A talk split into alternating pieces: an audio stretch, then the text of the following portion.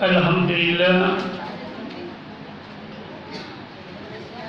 الحمد لله الذي هلك الموت والحياة ليبلوكم أيكم أحسن عملا.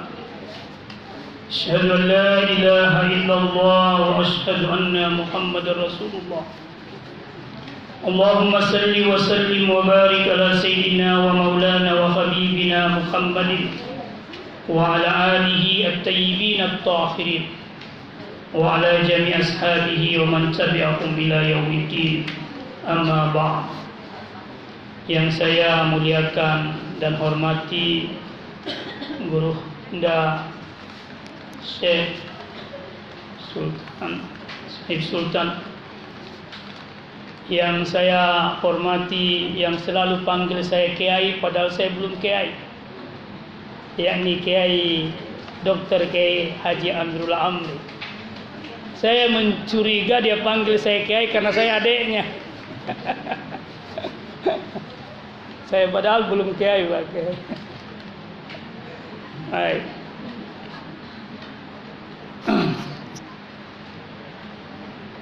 Taksiyah itu tujuannya dua. Yang pertama diperuntukkan kepada hamba Allah yang telah mendahului kita, yakni Ibunda Hajjah Siti Munuri binti Nesta. Yang kedua tujuan taksiah itu diperuntukkan kepada mereka yang masih diberi kesempatan untuk menyelesaikan waktu kehidupannya. Yakni kita semua. Bagaimana yang masih hidup ini bisa mengambil pelajaran tentang kematian.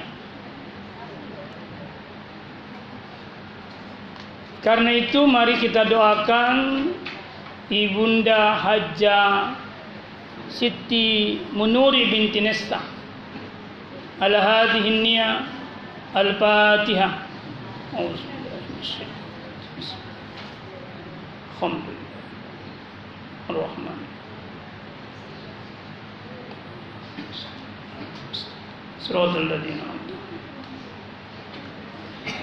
Terima kasih. Kalau ayat yang dibacakan oleh ketiga anak kita tadi di dalam surah Al-Mulk di situ disebutkan Allah berfirman Alladhi halakal mauta wal hayat Dialah yang menciptakan mati dan hidup Kalau begitu mati itu makhluk Hidup juga makhluk Kita makhluk Mati makhluk hidup juga makhluk. Kenapa? Karena dia dicipta. Yang menarik adalah Allah bilang al-maut dulu baru hidup. Biasanya yang kita tahu hidup dulu baru mati. Ini mati dulu baru hidup. Apa maknanya? Menurut saya di sini Allah ingin mengatakan bahwa kalau kamu sudah mengetahui rahasianya mati, pasti hidupmu baik. Tapi kalau kamu tidak mengerti apa itu mati, hidupmu pasti tidak baik. Kalau orang mengenal apa itu mati, maka dia pasti menggunakan hidupnya dengan cara yang baik. Tapi kalau dia tidak mengerti bagaimana itu mati, maka pasti dia sia-siakan hidupnya. Itulah sebabnya baik mati maupun hidup tujuannya sebagai bala, sebagai ujian. Ayyukum ahsan amala. Siapa di antara kalian yang beramal ihsan? Apa yang dimaksud beramal ihsan? Dia beramal dan amalannya menyenangkan hati orang lain. Itu amalan tertinggi dalam kehidupan. Ini yang saya yang saya lihat dari orang tua kita ini. Saya sering datang ke sini dan saya tidak pernah datang ke sini tidak ketemu dengan dia. Satu waktu waktu tante saya, ibunya guru, eh, Ustaz Amirullah Amri sakit, lalu kemenakan-kemenakan saya anaknya Ustaz bilang baca dulu puisi ta Ustaz tentang sakit. Maka ketika saya baca puisi itu di situ, ibu ini dia bilang sama saya, jadi diterima rola saya dulu nak nampakin bapak burah. Saya bilang, paham ini orang.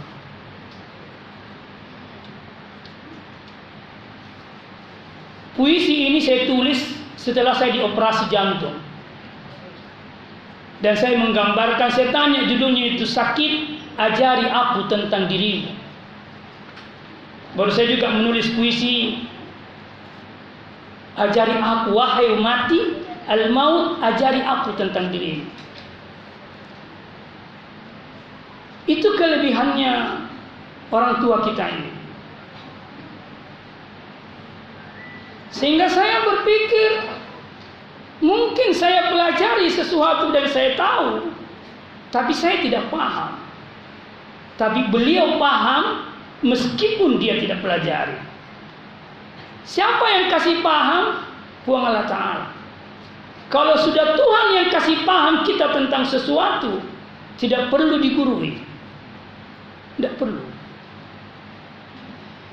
Tapi biar kita gurui Kodena reki pengalatala kemampuan untuk memahami tidak akan pernah dipahami. Pada kesempatan ini saya akan membahas sedikit tentang kematian yang saya paham. Jadi tadi dikatakan kenapa kematian dulu didahulukan oleh baru kehidupan? Alasan pertamanya adalah di sini Allah ingin mengajarkan kepada kita bahwa fokuslah kepada kematianmu. Ketika kamu fokus kepada kematianmu, maka kehidupanmu akan jadi baik. Saya belum pernah menemukan hadis yang mengatakan perbanyak ingat hidup. Yang banyak kata Nabi, perbanyak ingat mati. Pertanyaannya, kenapa mati harus banyak diingat? Hah? Dan kenapa hidup itu tidak perlu diingat? Karena biar kamu tidak ingat, kau tetap akan jalani kehidupan itu. Kematian kalau dia tidak diingat, maka kita tidak akan pernah mempersiapkan diri untuk menghadapi kematian. Padahal tujuan kehidupan di dunia untuk mati, bukan untuk hidup. Imam Ali pernah berkata kepada Imam Hasan, dia katakan, "Wahai anakku Hasan, di dunia engkau hidup bukan untuk hidup, tapi di dunia engkau hidup untuk mati." Maka tujuan kehidupan itu adalah untuk mati. Jadi kalau ada orang yang tidak mau mati, dia tidak mengerti hidup. Kalau ada orang yang menolak kematian, berarti dia tidak mengerti kematian dan pasti hidupnya bukan sesuai dengan kehendak Allah Subhanahu wa taala.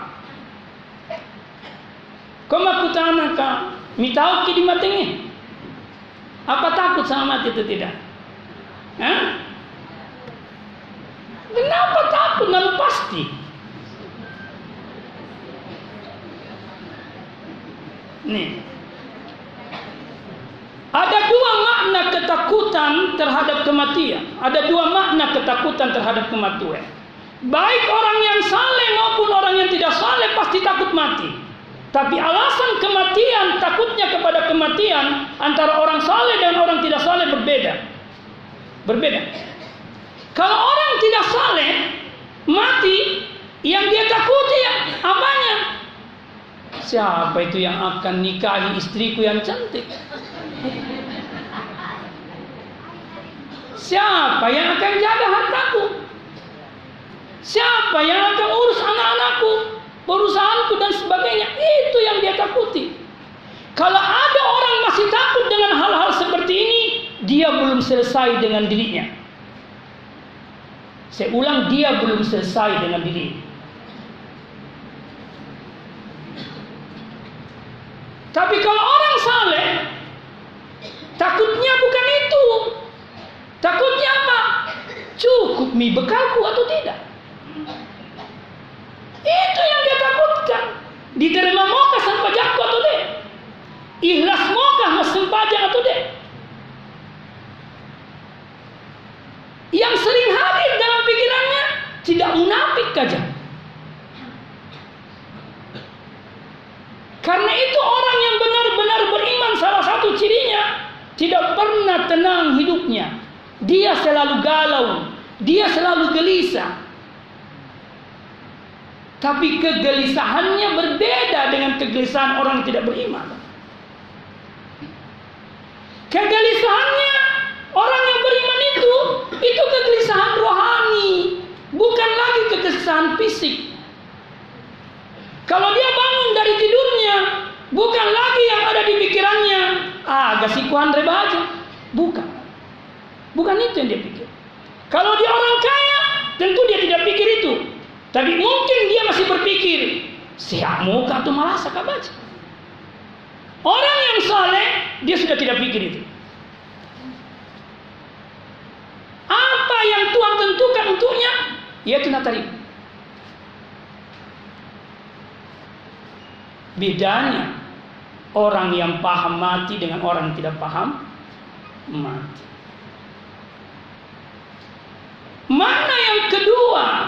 Kenapa kematian didahulukan daripada kehidupan? Menurut saya itu mengajarkan kepada kita bahwa kematian itu mesti dicintai sebelum dialami. Maka berusahalah untuk mencintai kematian sebelum dialami. Karena orang yang mencintai kematiannya, maka dia akan persiapkan dirinya untuk menghadapi kematian. Kalau tadi Ustaz Amirullah cerita waktu saya diponis harus bypass, benar. Diponis bypass itu berat. Maka saya membeli empat buku tentang kematian. Lalu saya punya buku di laptop tentang kematian dua. Saya baca dan saya pelajari. Enam bulan kemudian baru saya mengatakan iya operasi.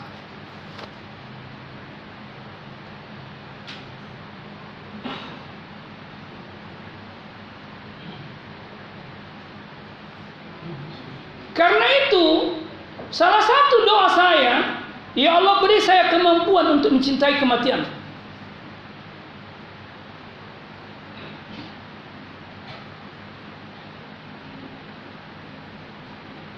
Saya biasa bangun tengah malam lalu lihat anak dan istriku mati, eh mati. Ia mati karena dia tidur. Tidur itu kematian. Dia tidur biasa naseng rotiku kasih anak. Tapi kemudian muncul bisikan. Eh, paling sudah di pengalat Tidak bisa kau urus anakmu. Tidak bisa kau urus anakmu. Hanya Allah yang bisa urus anak. Karena itu saya pernah bikin kesalahan kepada istri saya. Dan itu tidak bisa saya lupa. Ketika anak saya ditabrak, saya lagi kuliah S3 di Talas Selatan, anak saya ditabrak sampai telinga saya. Ditabrak anakmu, saya naik motor itu tidak cukup 15 menit sampai di Taman Rea. Dulu saya pembalap ibu. Saya bilang sama istri saya, eh apa kekerja tidak menjaga namu? Setelah itu Tuhan kasih saya pembelajaran luar biasa. Batenya mau itu kurawat ayam pun mati tonji. Baru saya sadar, salah itu kata-kataku tadi. Nah sahabat serahkan anakmu di binemu. Serahkan anakmu di penglihatan. Jadi orang yang mampu berusaha untuk mencintai kematiannya, maka kematian akan mencintainya. Dan ketika kematian sudah mencintainya, maka insya Allah kehidupannya akan bermanfaat. Itu yang dimaksud ahsan amal. Dia beramal dengan ihsan. Pertanyaannya sekarang, bagaimana orang bisa beramal dengan ihsan?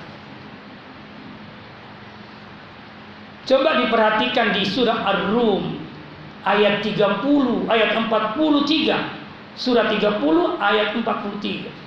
Di situ Allah berfirman, "Fa'akim wajhaka lid-dinil qayyim." Min qabli ayyatiya yawmun la maraddalah min Allah wa hum yastad'un.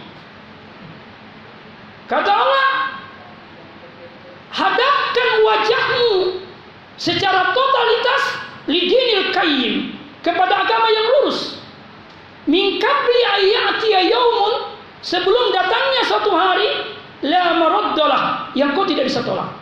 Hari apa itu? Ulama mengatakan hari kiamat. Itu hari masih jauh. Tapi menurut saya hari itu yang dimaksud adalah hari kematian. Itu hari kiamat kecilmu. Jadi ayat itu seakan-akan berkata Tegakkan agama Allah sebelum kematianmu. Sekarang pertanyaan, pernah tidak saya lalu baca ayat itu terus berkata dalam saya, kenapa Tuhan tidak bilang, eh jadikan dirimu kaya sebelum kau mati? Kenapa Tuhan tidak mengatakan raih jabatan tinggi sebelum kau mati? Kenapa Tuhan tidak mengatakan sehatkan tubuhmu sebelum kau mati?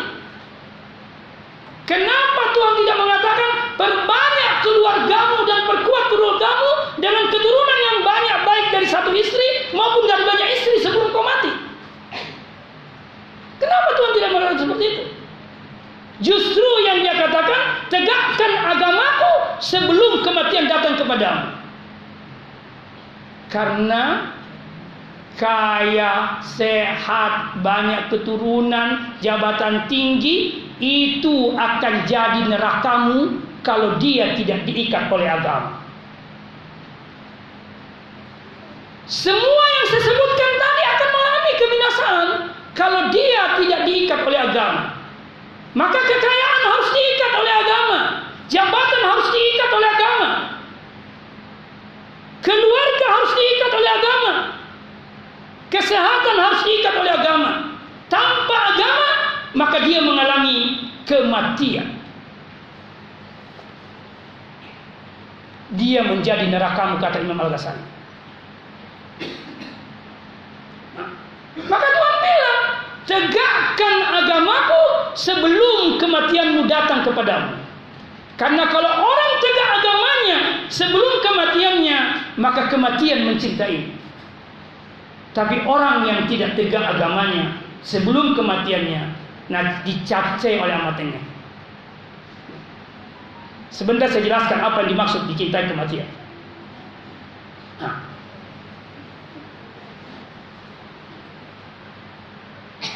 Jadi sebenarnya itu kehidupan disebut orang hidup karena tegak agamanya. Disebut orang mati karena dia tidak beragama.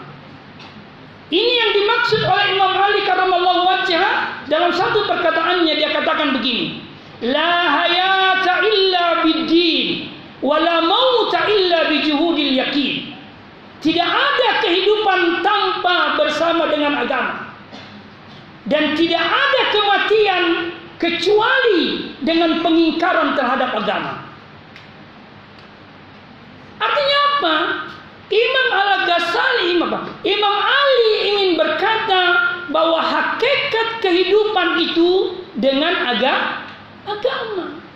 Maka orang yang menjalankan agama dalam kehidupannya dan menegakkan agama dalam kehidupannya dia tidak pernah mati meskipun dia sudah wafat. Saya ulang, orang yang mengisi kehidupannya dengan agama tidak pernah mati meskipun dia wafat. Tapi orang yang hidup tanpa agama itu mati meskipun sebelum wafat. Meskipun dia belum wafat. Kira-kira makutana ki apa bedanya wafat dengan mati? Wafat itu sempurnanya waktu kehidupan yang Tuhan kasih. Itu wafat.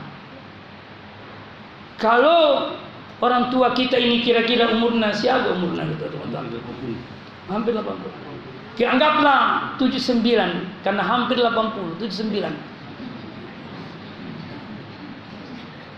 Jadi ketika 79 tahun itu sudah selesai sempurna, dia jalan, dia wafat. Tapi dia nama mati. Dia nama mati. Tuhan sudah bilang di dalam Al-Quran. Wala taqulu lima yuktalu fi sabilillah amwat. Jangan pernah kau berkata orang yang mati dan terbunuh di jalan Allah itu mati. Tidak. Bal ahya. Dia hidup. Dia hidup. Salah satu buktinya bahwa dia hidup dalam beberapa riwayat jelaskan bahwa setiap hari Jumat itu orang mati kita itu menunggu sedekah dari kita. Menunggu sedekah. Dia seakan-akan berkata begini, "Eh anak-anakku, sedekahkanlah atas namaku meskipun hanya sisa makananmu anakku." Sedekahkan. Karena itu kalau ada orang tua yang meninggal dan meninggalkan kekayaan yang sangat banyak, lalu anaknya tidak ada yang saleh, uh menyesal sekali di hari kemudian. Kenapa dia menyesal? Dia bilang sesaku sapa duit. Hah? Saya simpankan kok, ternyata kau gunakan dalam kemaksiatan. Ternyata kau tidak pernah kirimkan atas namaku untuk anak namaku di akhirat ini.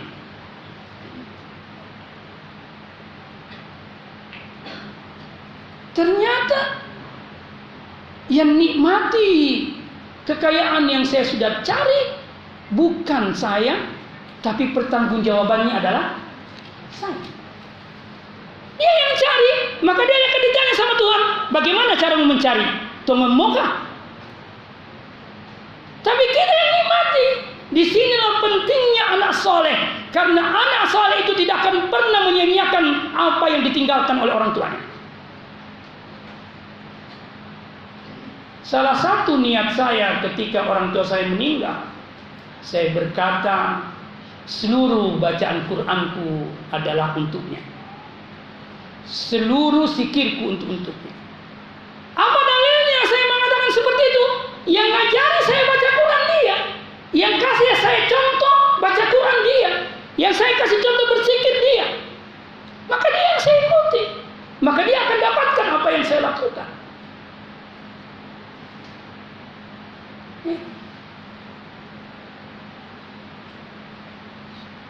Di situ pentingnya anak yang soleh. Dia tidak akan pernah, tapi bukan saya anak soleh. Saya tidak pernah mengaku anak soleh. Karena terlalu banyak kesalahan saya yang orang lain tidak tahu, tapi hanya saya yang tahu. Dan Allah. Nah, saya kembali. Jadi orang yang hidupnya tanpa agama, tahu mati itu. Dan orang yang mati dalam keadaan beragama sebelum kematiannya, itu orang yang hidup selamanya. Tidak pernah mati. Jadi banyaknya orang itu lagi berjalan-jalan, nah setahu tahu tua kepada otomatis. Kenapa? dia hidup tanpa agama. Hidup tanpa agama itulah musibah terbesar yang dialami oleh seseorang. Eh? Saya mau tanya, ini COVID musibah atau bukan? Musibah. Takut sama COVID atau tidak? Hah? Tidak. Oh, bohong kalau bilang tidak. Jangan kau bohong kalau bilang tidak. Pertanyaannya, kenapa orang semua takut kepada COVID? Satu di ujungnya, karena dia takut mati. Ya. Kalau sekiranya COVID itu tidak mematikan, tidak ada orang takut. Ya. Sendiri kok pakai masker kapan? Ada tonnya tapi sedikit ji. Orang selalu bilang sama saya, ngapa Ustaz kemelakang kemarin sama COVID? Saya bilang, takutku ke Covid mengantarku kepada Tuhan.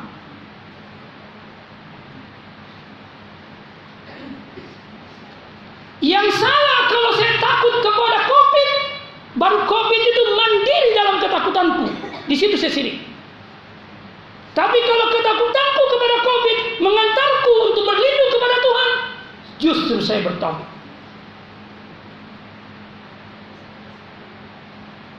Takut itu ujiannya Allah. Tadi itu dibaca, wala nabluwannakum bisyai'in minal khauf.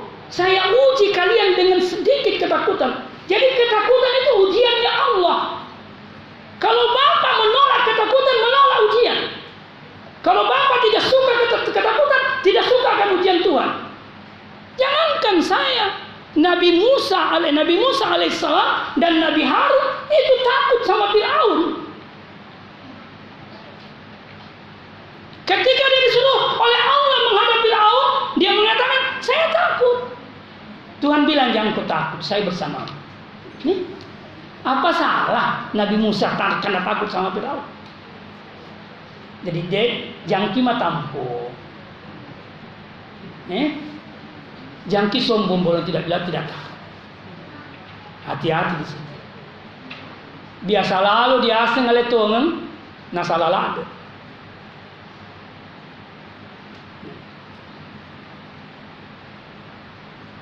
Saya kembali. Jadi sekali lagi yang dimaks apa yang kita harus lakukan ya. Jadi tadi itu tadi kematian takut kepada kematian itu takut itu adalah salah satu wujud ujian Tuhan dan ketakutan yang paling tinggi yang dirasakan oleh manusia adalah kema kematian. Sekarang pertanyaan saya, apakah kematian itu musibah atau bukan? Hah? Musibah? Hah? Kenapa dia ragu?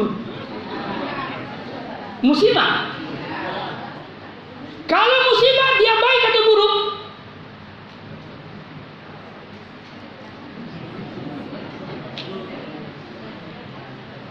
Baik atau buruk? Ya, dia buruk. Padahal Tuhan yang kasih mati kita. Berarti Tuhan bikin berbuat buruk.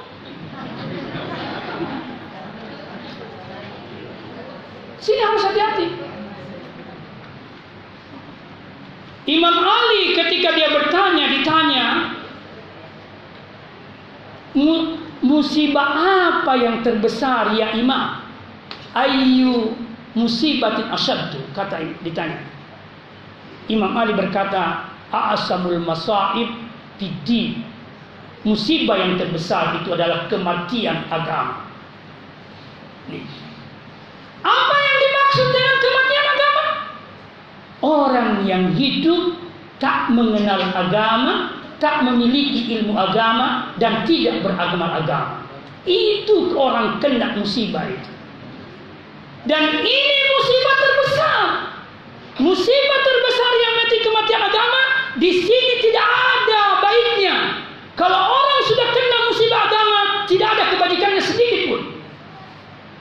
Tapi kalau hanya musibah sakit, hanya musibah kemiskinan, hanya musibah kematian, dan musibah-musibah yang lain, di situ banyak kebaikan, banyak berkah, banyak pengampunan Allah Subhanahu wa taala. Imam Hasan pernah berkata, "Mafatihul ajra al-musibah." Kunci pahala itu adalah musibah. Berarti musibah itu, Pak. Al-Qur'an mengatakan al-maut musibah, musibatul maut.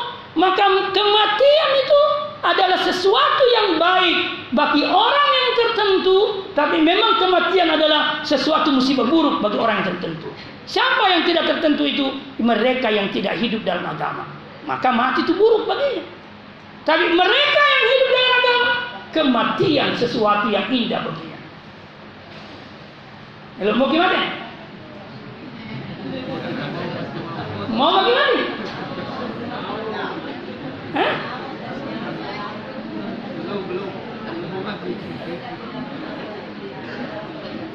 Jadi sekali lagi, kalau nak kena musibah agama, tidak ada kebaikan di situ.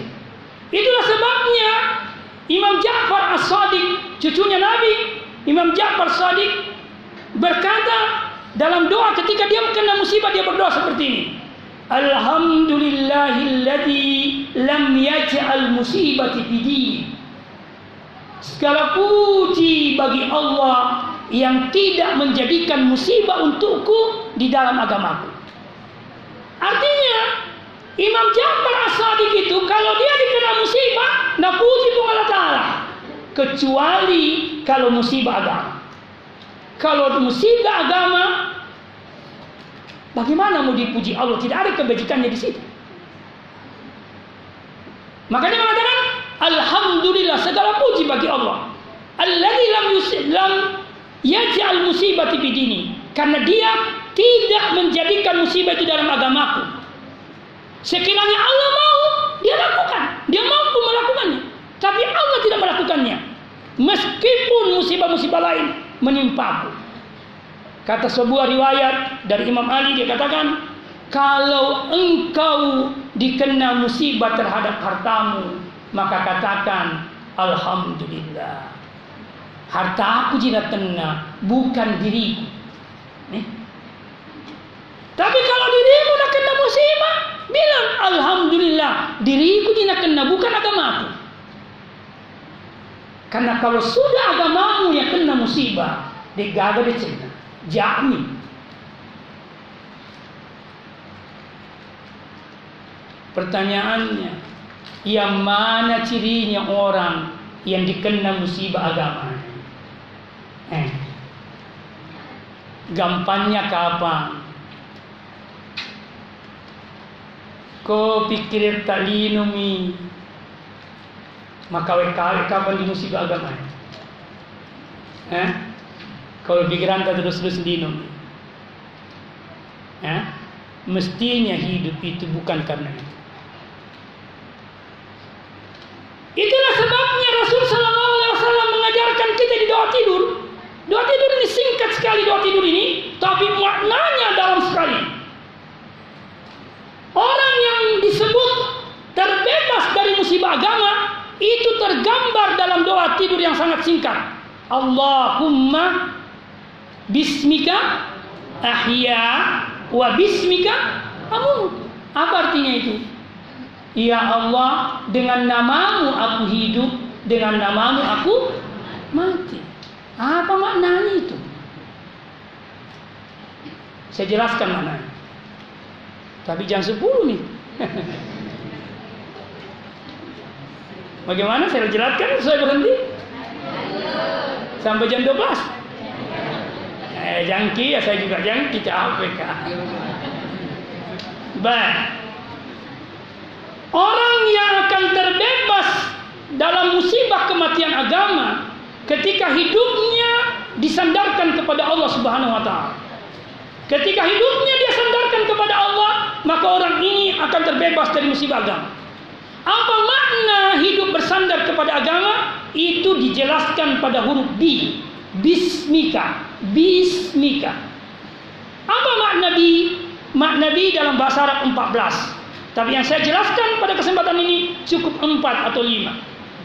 Yang pertama, bi berarti sababia, karena. Maka ketika saya tidur, saya bilang, Ya Allah, karena engkau saya hidup. Sebab engkau saya hidup. Memangnya siapa yang kasih Bapak hidup? Diri Bapak? Hah? Diri Bapak? Kita tiap malam mengatakan bismika amut, bismika ahya bismika amut. Tapi kita tidak pernah paham bahwa yang kasih kita hidup adalah Allah. Kalau Allah yang kasih kita hidup, maka kembalikan kehidupan itu untuk Allah. Kalau ibu makan, bapak makan baca bismillah atau tidak? Kenapa bapak ibu baca bismillah? Saya kalau saya minum, saya kasih contoh. Ya.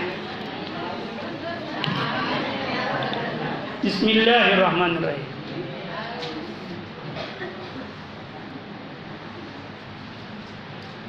Ketika saya baca basmalah ketika saya minum, maka yang ada dalam keyakinan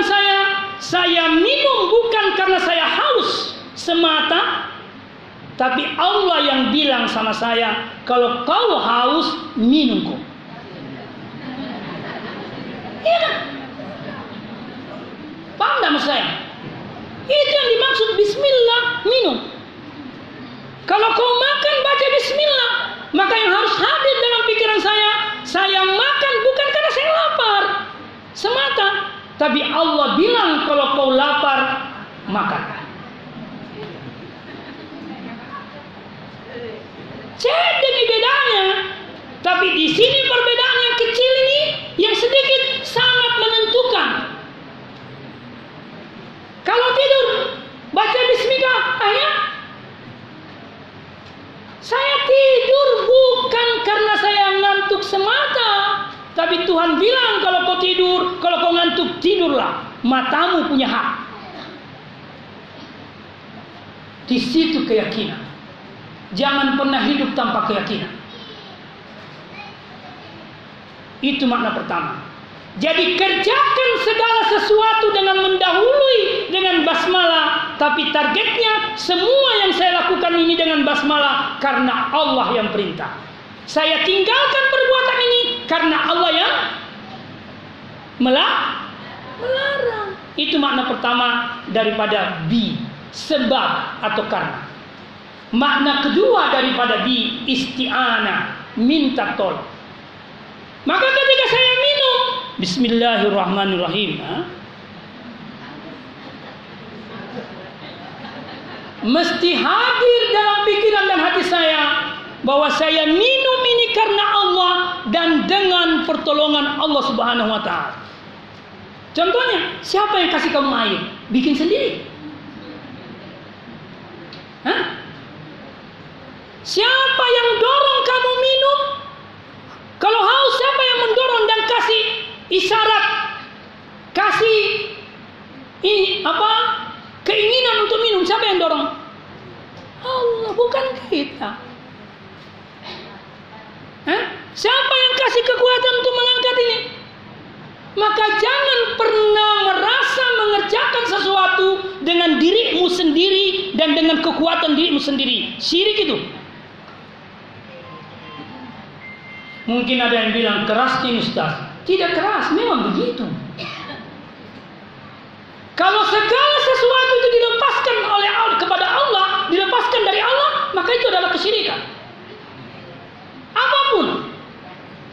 Karena tidak ada sesuatu yang terjadi ini terlepas dari Tuhan, tidak ada. Ada.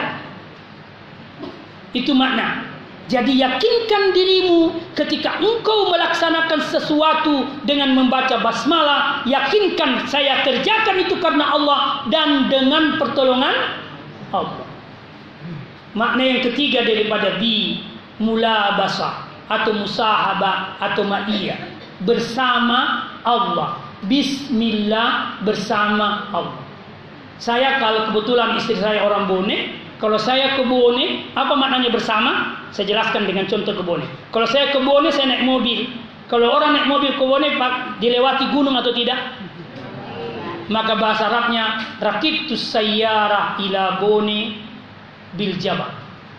Bil jabal. Saya naik mobil ke Bone bil jabal dengan gunung. Apa saya bersama gunung ke Bone? Tidak.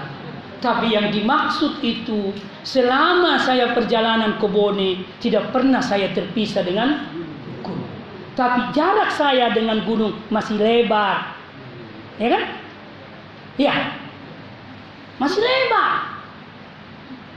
Ini namanya bersama.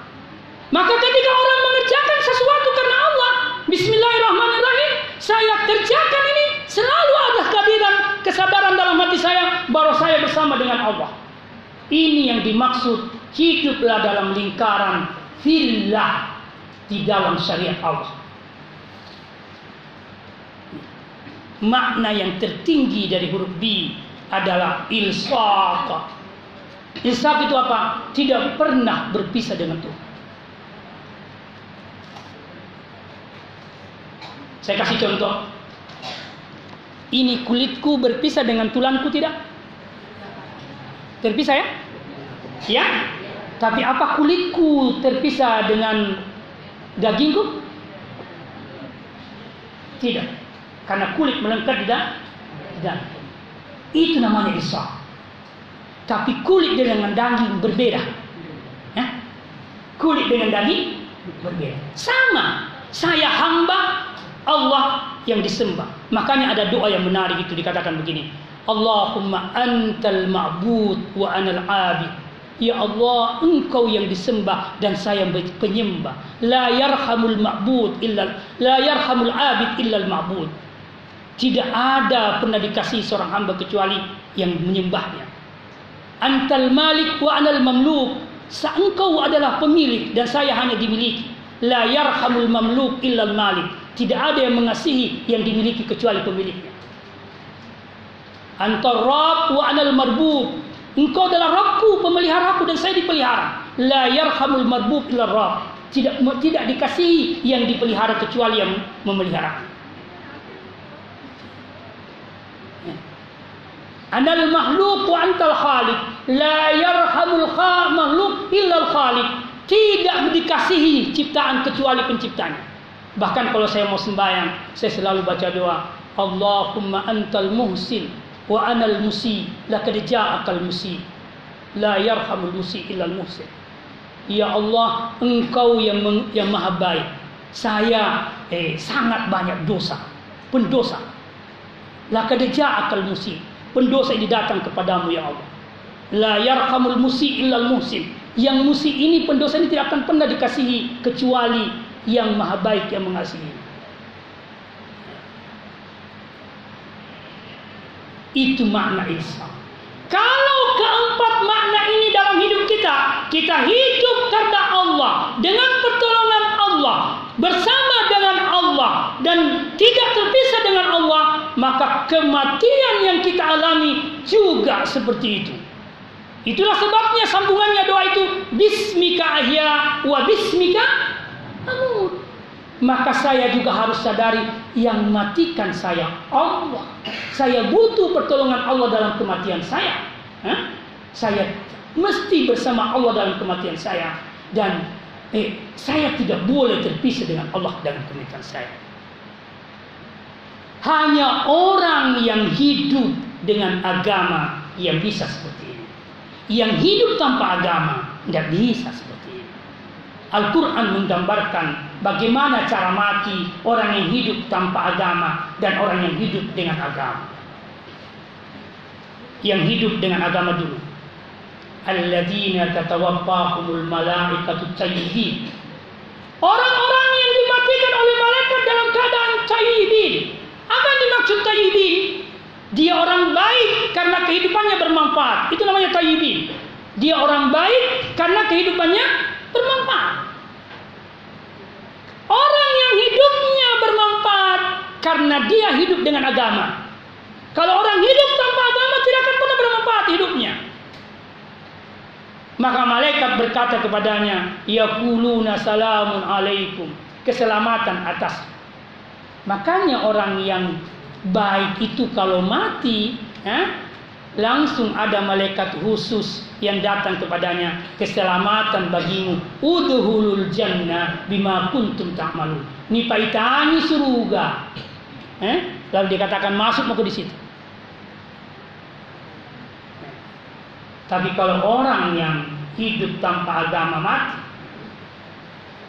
walladzina tatawaffahumul ladzina kafar dan ketika mereka itu dimati orang-orang kafir dimatikan nah, wal malaikatu yadribuna wujuhahum wa adbarahum malaikat menghantam mukanya dan menghantam punggungnya. Kira-kira mapet dia tuh deh mapet dia pak mapet dia pak sudah dirasakan? Belum tuh pak belum. Kalau saya saja yang pukul ibu sakit apalagi malaikat Eh? Apalagi malaikat ini malaikat khusus yang diutus Allah untuk mengutus memukulnya. Belum lagi malaikat maut yang mencabut nyawanya. Nabi Ibrahim pernah bertanya kepada malaikat maut, "Hai malaikat maut, perlihatkan kepada bagaimana caramu mencabut nyawanya orang-orang yang kafir, jahat, hidup tanpa agama. Malaikat maut bilang balik ke Ibrahim, kau tidak sanggup melihatnya. Dia bilang tidak, mau kalian. Malaikat maut bilang silakan. Maka dia coba dicabut diperlihatkan apa yang terjadi wajahnya malaikatul maut itu berubah dari nikmat dilihat menjadi takut sekali dilihat maka sebenarnya ketika orang jahat itu dicabut nyawanya oleh malaikatul maut baiklah ke sana eh nampak naik ke malaikatul maut ini meni eh belum dicabut dibuku lagi bukan dibuku lagi belakangnya di bacaan Tony neraka Kira-kira pekok kematena. Masih tersenyum? Eh? Enggak. Enggak akan tersenyum. Nah sekarang saya mau tanya Ki, kira-kira kalau mati kita nampe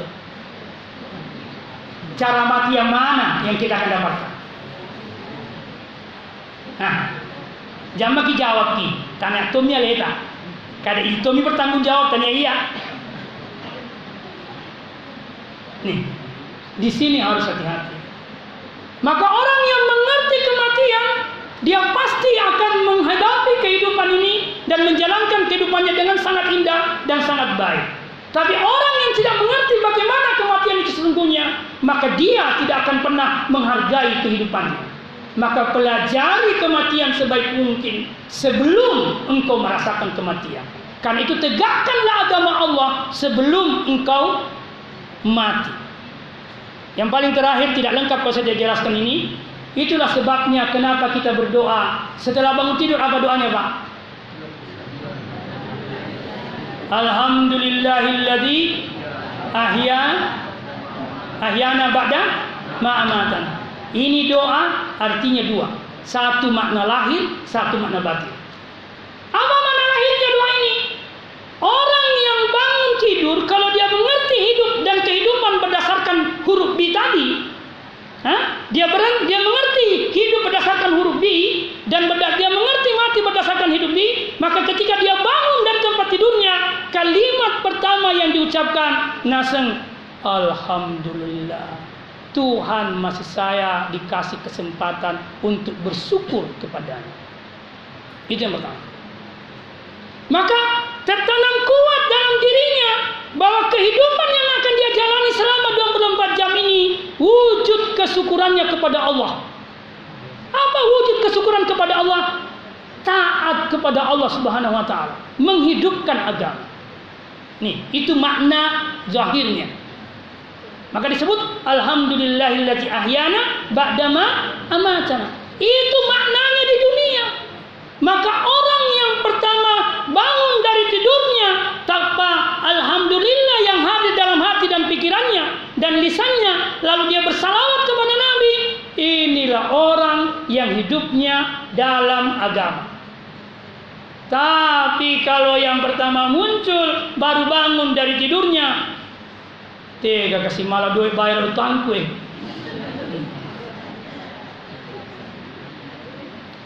Ih, kasih rukcak coba aja. Siapa lagi yang saya mau marahi?